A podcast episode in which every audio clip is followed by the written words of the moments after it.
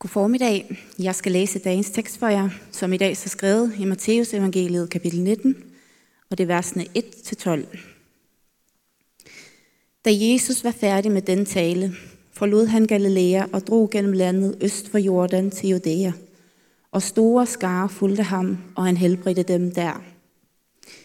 Nogle farisæer kom hen til Jesus, og for at sætte ham på prøve spurgte de, er det tilladt en mand at skille sig fra sin hustru af en hvilken som helst grund?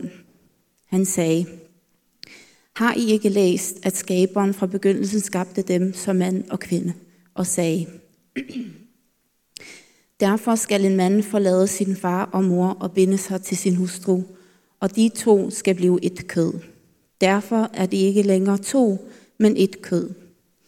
Hvad Gud altså har sammenfået, må et menneske ikke adskille. De spurgte ham, hvorfor har Moses så påbudt manden at give et skilsmissebrev, når han skiller sig fra hende? Han sagde til dem, det var med tanke på jeres hårdhjertethed, at Moses tillod jer at skille jer fra jeres hustru. Men fra begyndelsen var det ikke sådan. Jeg siger jer, den, der skiller sig fra sin hustru af anden grund end utugt og gifter sig med en anden, begår ægteskabsbrud. Hans disciple sagde til ham, hvis mandens forhold til kvinden er sådan, er det bedre ikke at gifte sig. Men han sagde til dem, hvad dette går ud på, kan ikke alle rumme, men kun de, der får det givet. Der er dem, der er uegnet til ægteskab fra moders liv, og der er dem, der er uegnet, fordi mennesker har gjort dem uegnet til det. Og der er dem, der har gjort sig selv uegnet for himmerigets skyld. Lad dem, der kan, rumme det. Ja, hej igen. Lad os øh, begynde med at, at bede. Jesus Kristus, jeg takker dig, fordi du selv er midt i blandt os nu, sådan som vi blev mindet om det for to år siden. Der hvor to eller tre er forsamlet dit navn, der er du midt i blandt os. Og tak fordi du også i dag vil tale til os. Tak fordi du netop har talt til os gennem dit ord. Nu beder vi dig om, at du vil gøre os øh, stille for det, du vil sige til os. At du vil åbne vores ører, vores tanker, vores hjerter. Også for det, du i dag vil sige til os omkring ægteskab og skilsmisse. Og her så beder jeg om, at vi igennem alt det her øh, må mærke din kærlighed og den kærlighed, du siger det alt sammen med. Amen. Ja, øh, i dag der skal det altså handle om øh, ægteskab og skilsmisse og indgåelse af nyt ægteskab. Og for nu bare at sige det lige ud, det er et enormt svært og følsomt emne. Og for nogle af os er det også et smertefuldt emne. Og, øh, og jeg har tænkt meget på her til i dag, at vi er mange forskellige mennesker samlet her, øh, med mange forskellige livshistorier og, og, og mange forskellige livssituationer, vi er i lige nu. Øh, nogle er forhåbentlig i gode og sådan rimelig velfungerende ægteskaber. Nogle i svære ægteskaber med en masse konflikter. Nogle er måske fraskilte og overvejer måske at blive gift igen. Nogle er måske allerede gift igen for anden eller tredje gang, eller hvad ved jeg. Nogle af jer er singler, og der tror jeg, der er nogle af jer, der har det godt med det, og nogle synes faktisk, det er svært at være single. Nogle af jer er måske øh, forlovet og på vej til at blive gift. Og så er der måske også nogle af jer, der har været gift, men mistet jeres ægtefælde på grund af dødsfald osv. Øhm, vi er mange forskellige mennesker i mange forskellige livssituationer, og derfor så hører vi også med forskellige ører, og vi hører med forskellige livssituationer i bagagen.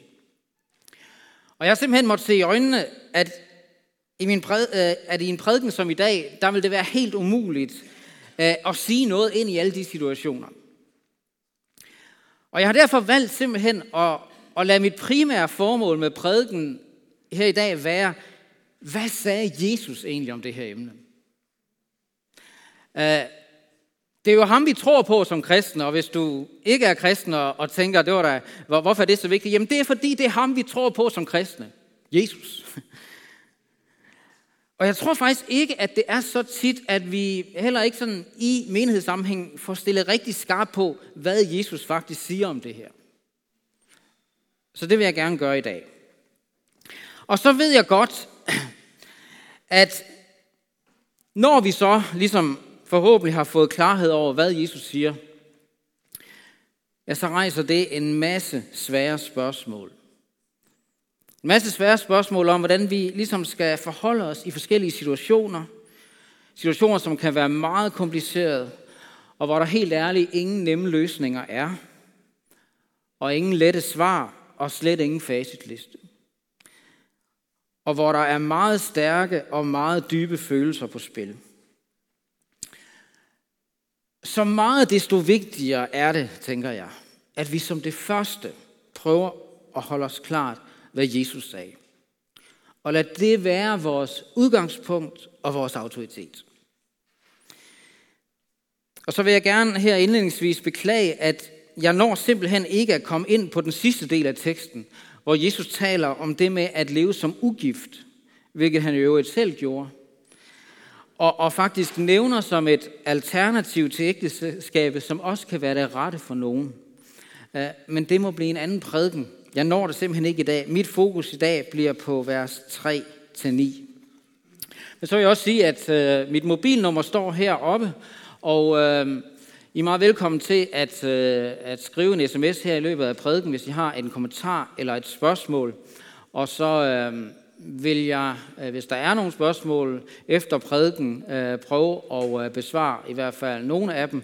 Og der kan også være nogen, der er måske mest egnet til, at jeg svarer på, på mobil, men, men der bliver i hvert fald mulighed for det. Egentlig så vil jeg gerne øh, tage udgangspunkt. Det er utroligt, jeg glemmer altid, altid at tænde den her. Og så går det meget lettere. Nå. Jeg vil gerne tage udgangspunkt i slutningen på Matteus evangeliet. Nu er det jo Matteus evangeliet, vi er i gang med, og jeg vil gerne tage udgangspunkt i slutningen på Matteus evangeliet, hvor Jesus efter sin død og sin opstandelse siger sådan her, mig er givet al magt i himlen og på jorden. Gå derfor hen og gør alle folkeslagene til mine disciple, i det I døber dem i faderens og søndens og helligåndens navn.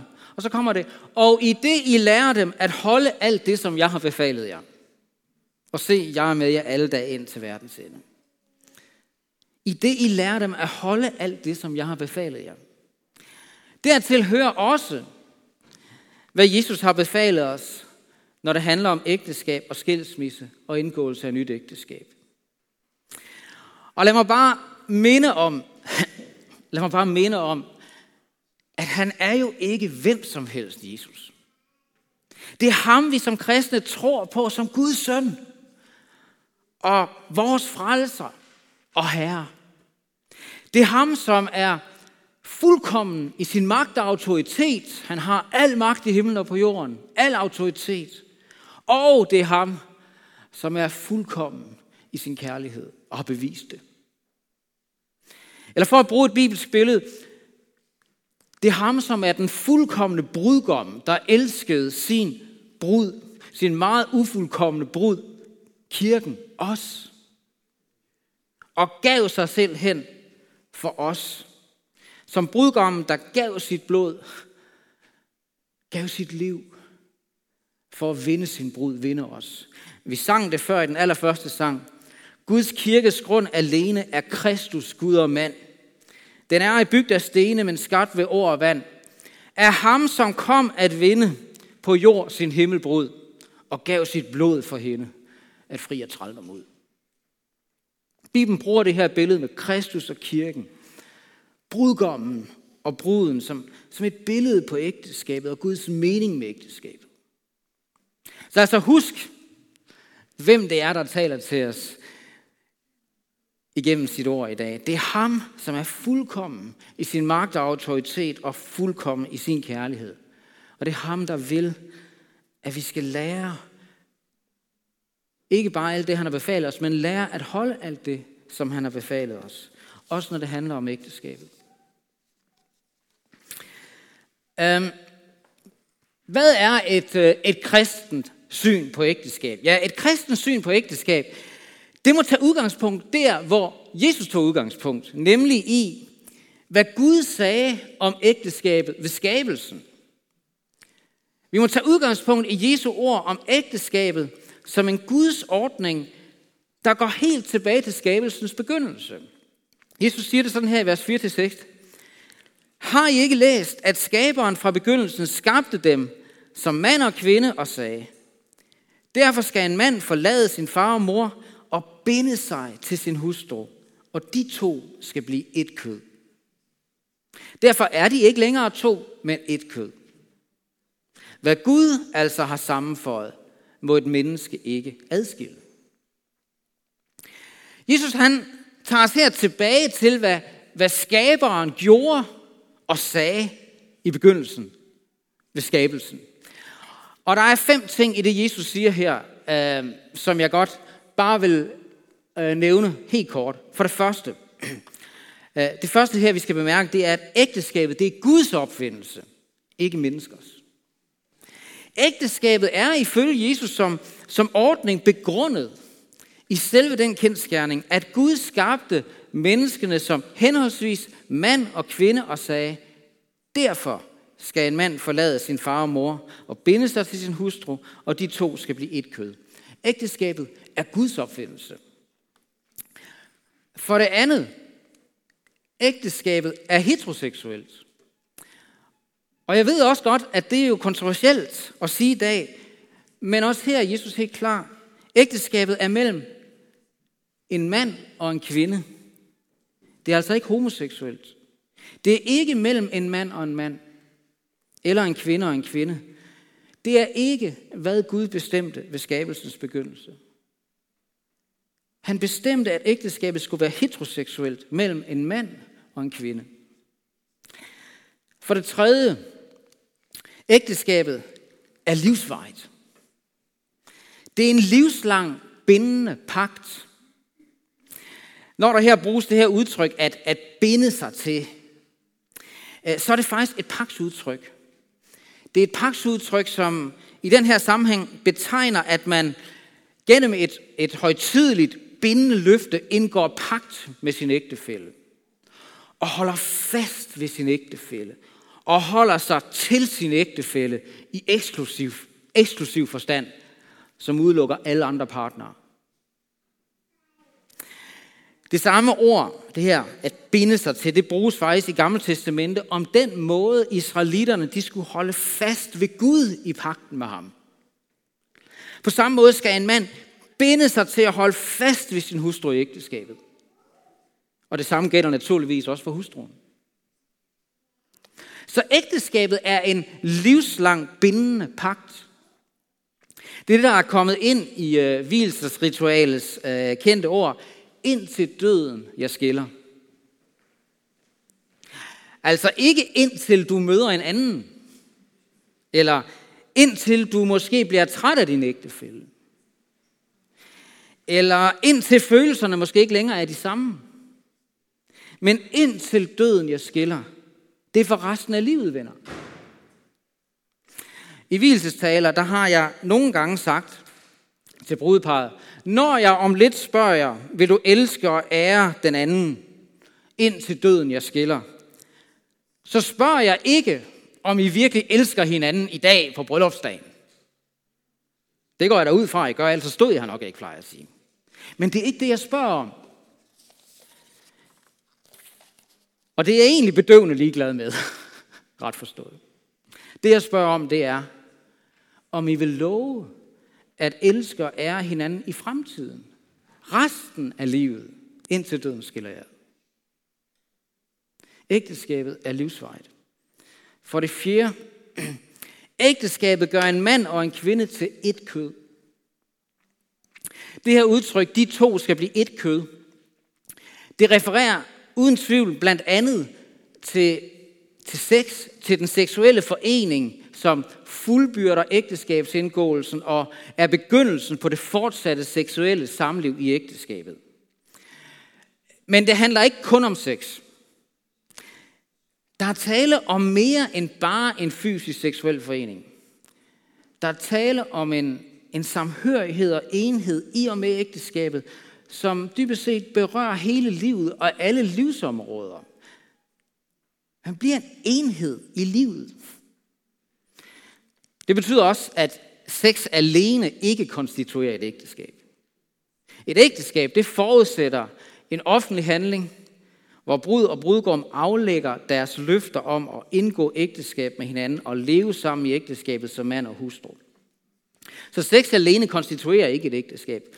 Men det betyder, at ægteskabet mellem en mand og en kvinde ifølge Bibelen er den rette og eneste rette ramme for sex mellem to mennesker. Fordi sex det indebærer noget langt, langt mere og langt dybere end det rent fysiske. Det indebærer at give sig helt hen til hinanden på en måde, der berører hele personligheden hos begge på en meget intim og dyb måde. Og ægteskabet er den gudgivende, beskyttende og gode ramme for det. For det femte, ægteskabet er, hvad Gud har sammenføjet. Ægteskabet forener altså manden og hustruen og, og skaber en enhed, der er så dyb og omfattende, at Jesus siger, derfor er de ikke længere to, men et kød. Hvad Gud altså har sammenføjet, må et menneske ikke adskille. Ægteskabet mellem en mand og en kvinde er, hvad Gud har sammenføjet. Med andre ord, et ægteskab involverer dybest set ikke kun to parter, men tre. Manden, hustruen og Gud. Det er dybest set Gud, der ved indgåelsen af et ægteskab føjer to mennesker sammen og forener dem med hinanden. Og det er enormt vigtigt at forstå. Mit ægteskab med Annette, det er ikke bare en sag mellem os to. Det er Gud, der så at sige har cementeret vores ægteskab og føjet os sammen. Og hvad Gud har sammenføjet, må et menneske ikke adskille, siger Jesus. Og ja, det betyder, at vi ikke må blive skilt. Det er og bliver umisforståeligt klart, at Jesus taler stærkt for det livslange ægteskab, og lige så klart og umisforståeligt imod skilsmisse. Jesus gør det helt klart, at skilsmisse er et brud på Guds vilje og på ægteskabets helt grundlæggende gudgivende betydning og mening. Det her syn på ægteskab og skilsmisse, det er naturligvis yderst kontroversielt i dag. Og det er det også langt ind i kirken i dag. Men jeg vil godt sige, det var ikke mindre kontroversielt på Jesu tid. Det var det ikke. Det var radikalt og chokerende, det Jesus sagde, selv for hans egne disciple, som vi kan se i slutningen af teksten. Og så sandelig også for den religiøse elite i folket, som farisæerne. De mente faktisk, at Jesus' syn var i konflikt og modstrid med Moseloven, som Gud jo selv havde givet. Var den det? Altså var Jesus syn i modstrid med Moseloven. Sandheden er, at Moseloven på den ene side ikke indeholder et udtrykkeligt forbud imod skilsmisse. På den anden side, så sanktionerer Moseloven heller ikke skilsmisse som værende i overensstemmelse med Guds vilje. Kernen i sagen, det er, at Moseloven, kan man sige, ligesom forudsætter en virkelighed, hvor skilsmisse allerede var blevet mere eller mindre mere eller mindre almindeligt i folket. Måske var det noget, de havde tillært sig i Ægypten, jeg ved det ikke. Men Moseloven forudsætter en allerede eksisterende praksis og ordning omkring skilsmisse. Og ja, Moseloven tillader, eller måske kunne vi snarere sige, tolererer denne skilsmisseordning, uden dermed at sige, at det er udtryk for Guds vilje. Moseloven er så at sige udtryk for damage control. Damage control i en situation, hvor skilsmisse allerede var en eksisterende praksis. Øh, der er kun et sted i Moseloven, der indeholder en lovbestemmelse omkring skilsmisse. Den skal vi lige se på nu, fordi den er lidt vigtig for at forstå, hvorfor farisæerne mente, hvad de gjorde. Øh, det eneste sted, det er øh, 5. Mosebog, kapitel 24, vers 1-4, og der står sådan her, og det lyder lidt kringlet, men prøv at hænge på. Hvis en mand gifter sig med en kvinde, men bliver ked af hende, fordi han finder noget skændigt hos hende, og han udfærdiger et skilsmissebrev, giver hende det og sender hende, hende bort, og hvis hun så, når hun har forladt hans hus, går hen og bliver gift med en anden, og hendes anden mand fatter modvilje mod hende, og udfærdiger et skilsmissebrev til hende, giver hende det og sender hende bort, eller hendes anden mand, som har giftet sig med hende, dør, Da må hendes første mand, som sendte hende bort, ikke gifte sig med hende igen, efter hun nu er blevet uren. For det afskyer Herren. Og du må ikke bringe skyld over det land, Herren din Gud vil give dig i eje. Jeg ved godt, det er lidt kringlet det her, men se, formålet med den her tekst, det er ikke at anbefale eller sanktionere skilsmisse, men ganske enkelt at regulere en allerede eksisterende skilsmissepraksis. Teksten her, den indeholder en lovbestemmelse i tilfælde af, at en mand udfærdiger et skilsmissebrev og skiller sig fra sin hustru. Som så efterfølgende, efterfølgende bliver gift med en anden mand. Hvis hun da bliver skilt fra sin anden mand, eller den her mand dør, da må hendes første mand ifølge den her lov ikke gifte sig med hende igen. Det er det, lovbestemmelsen går ud på. Og en del af formålet med den lov har det synlædende været at beskytte kvinder imod forhastede skilsmisser og mod at blive kastebold fra en mand til en anden og tilbage igen. Men min hovedpointe her, det er altså, og det er bare det, I skal have fat i, ikke? det er, at Moseloven ikke sanktionerede skilsmisse som værende i overensstemmelse med Guds vilje, men tillod, tolererede en allerede eksisterende ordning, ifølge hvilken en mand kunne give sin hustru et skilsmissebrev og skille sig fra sin hustru. Problemet var, at farisæerne på Jesu tid tolkede Moseloven sådan, at manden havde en gudgivende ret til at skille sig fra sin hustru. Og når han så blot sørgede for at give hustruen et skilsmissebrev, ja, så havde han opfyldt loven og handlet helt efter Guds vilje. Der var godt nok et mindretal blandt farisæerne, strammerne kan vi kalde dem, som lagde vægt på, at der skulle ligge noget skændigt til grund, hvilket de forstod som sådan grov, uanstændig adfærd, øh, som for eksempel at gå rundt offentligt med håret hængende løst eller sådan noget. Men flertallet, slapperne kan vi så kalde dem, de var mere liberale. Og de hæftede sig ved udtrykket at fatte modvilje som en gyldig grund. Øh, hvilket praktisk talt betød, at en mand med rette kunne skille sig af en hvilken som helst grund. Som for eksempel, hvis hustruen havde brændt maden på. Det er rigtigt. Eller hvis han ganske enkelt foretrak en anden kvinde. Og på den måde så er det jo ikke overraskende, at der var faktisk en relativt høj skilsmisseprocent blandt farisæerne. Det var faktisk ret normalt, det her med at skille sig af med sin hustru, og så gifte sig med en anden. Så det er klart, at Jesus' ord om Guds oprindelige mening med ægteskabet fra skabelsens begyndelse, og om, at hvad Gud har sammenføjet mod et menneske ikke adskille, det er klart, det provokerer dem meget. Og de spørger, Hvorfor har Moses så påbudt manden at give hende et skilsmissebrev, når han, når han skiller sig fra hende? Og Jesus svarer, det var med tanke på jeres hårdhjertethed, at Moses tillod jer at skille jer fra jeres hustru.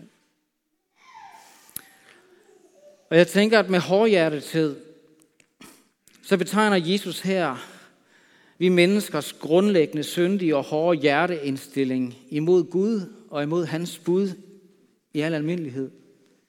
Og i særdeleshed vores hårdhjertethed, hvordan den her hårdhjertethed, den her hjerteindstilling, den kommer til udtryk også imod Guds vilje med ægteskabet, og nogle gange imod vores ægtefælder. Se, Moseloven, den, man kan sige, den, den, den forudsatte, forudsatte og opererede, så at sige, på baggrund af den her hårdhjertetid. Og dermed også skilsmisse som en virkelighed, der blev tolereret og reguleret i form af den her ordning med et skilsmissebrev. Men at denne tilladelse til skilsmisse på grund af hårdhjertethed ikke er udtryk for Guds oprindelige vilje med ægteskabet, det gør Jesus helt klart med ordene. Men fra begyndelsen var det ikke sådan. Og det Jesus han vil, det er, at han vil vise farisæerne og os og vores hårde hjerter over for Gud, over for vores ægtefald.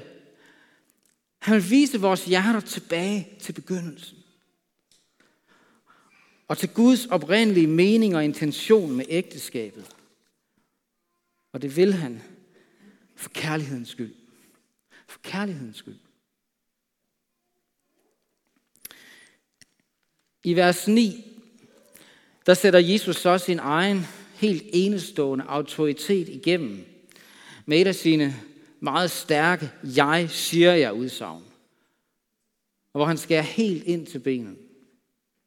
Jeg siger jer, den der skiller sig fra sin hustru af anden grund end utugt og gifter sig med en anden, begår ægteskabsbrud.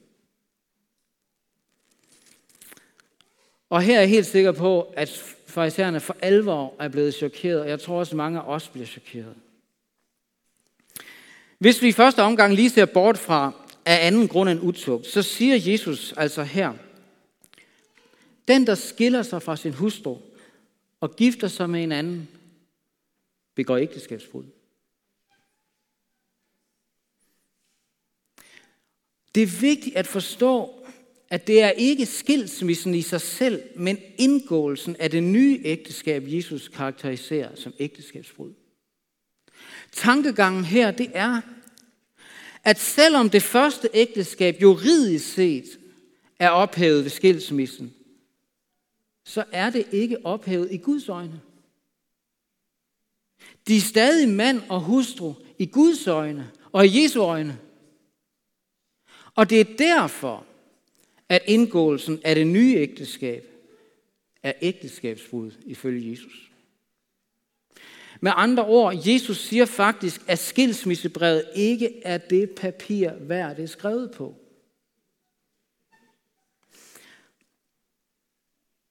Og ved I hvad, det er faktisk det generelle princip i al Jesu undervisning om det her med skilsmisse og indgåelse af nyt ægteskab. Det er temmelig radikalt. Jesus taler enormt stærkt for det livslange ægteskab. Og imod både skilsmisse og indgåelse af nyt ægteskab. Jesus nævner dog en undtagelse, og kun en undtagelse.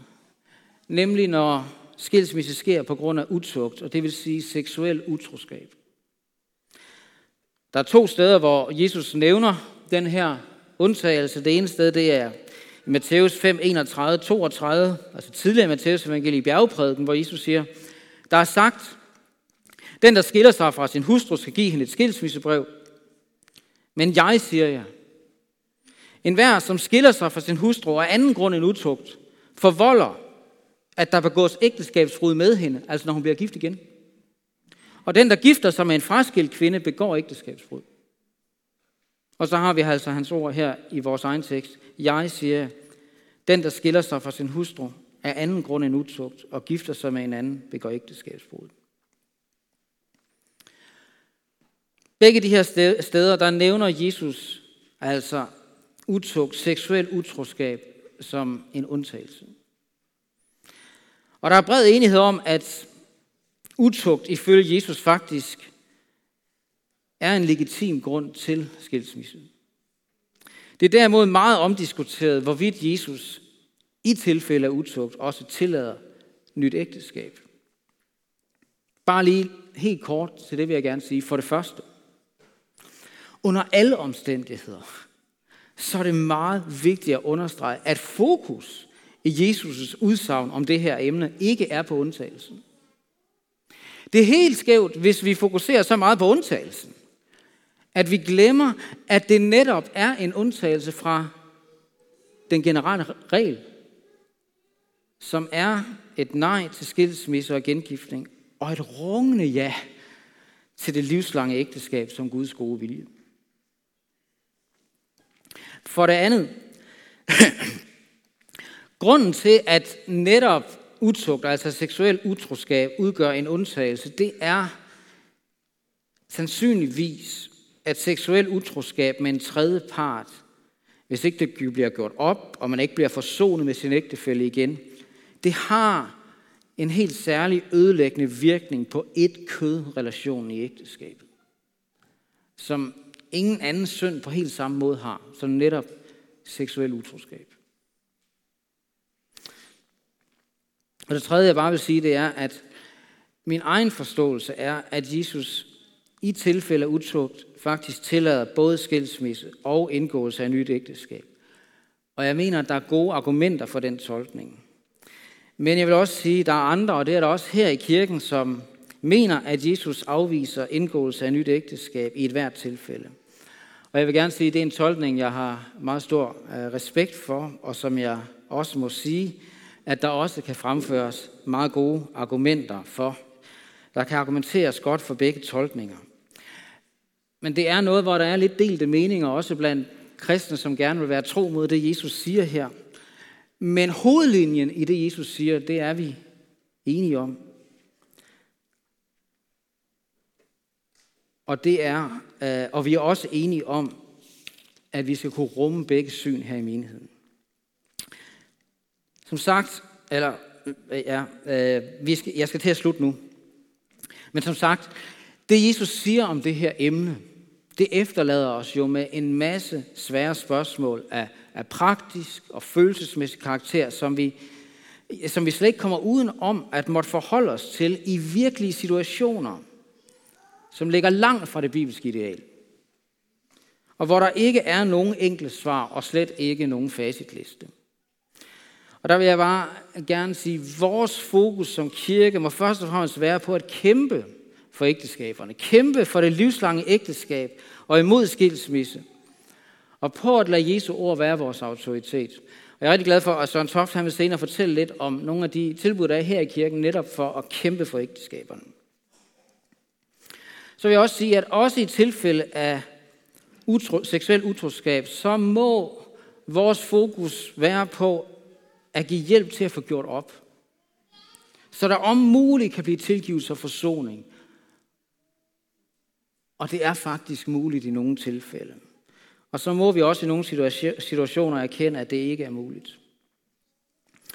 Og så må jeg erkende, at jeg ville meget gerne spørge Jesus om, hvad han ville sige, hvad han egentlig ville sige til en lang række andre svære tilfælde, som han ikke nævner noget om. Altså hvad med alkoholmisbrug? Hvad med psykisk terror? Hvad med vold? Hvad med mor? Altså hvis, hvis ægtefælden er morder? Jeg tænker personligt ikke, at Jesus med sine ord her har til hensigt at fastholde en i sådan et ægteskab. Slet ikke, hvis det er til fare for en selv og måske for børnene. Jeg tænker, at man i nogle situationer kan være tvunget til at lade sig skille. Det er for mig at se ikke at være den aktive part i en skilsmisse, men, men at lide en skilsmisse.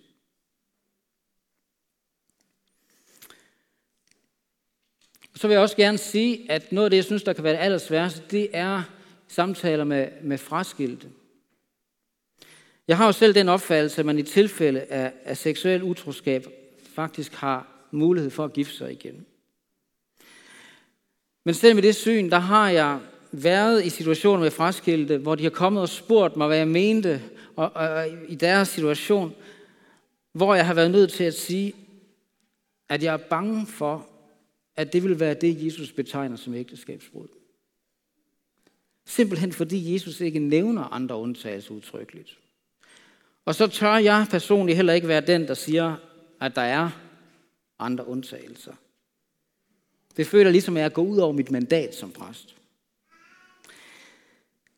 Men det, jeg altså altid gerne vil tale med mennesker om, det er dette. Hvad er det, Jesus siger? Det er det, jeg gerne vil vise hen til. For det her, det handler ikke om, hvad jeg eller andre i menighedsledelsen eller andre i det hele taget siger. Det handler om, hvad Jesus siger. Og i sidste ende, så er det ham, vi alle sammen må stå til regnskab for med vores valg og vores liv. Og lad os bare erkende det alle sammen. Sandheden er, at vi alle kommer til kort over for hans ideal. Sandheden er, at vi alle har sådan brug for hans nåde og tilgivelse og kærlighed. Og der er intet, han hellere vil give os. Der er intet, han hellere vil give os. Uanset vores livssituation og livsbagage, så er der intet, han hellere vil møde os med, end noget og tilgivelse og kærlighed. Nu vil der være cirka to minutter til refleksion. Og så ser jeg lige, om der er et spørgsmål eller to, vi lige kan tage. Øh, men to minutter nu til lige at reflektere over det, vi har hørt.